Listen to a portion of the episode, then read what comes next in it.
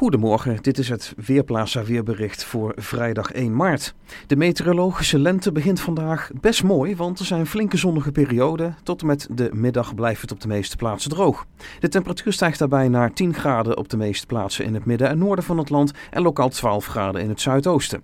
Nou, in de loop van de middag zien we de bewolking vanuit het zuidwesten wel weer toenemen en later op de dag volgt in het zuidwesten ook wat regen. Die regen breidt zich vanavond en vannacht over het hele land uit en dan is het overal af en toe nat. De temperatuur daalt daarbij niet veel verder dan zo'n 6 graden.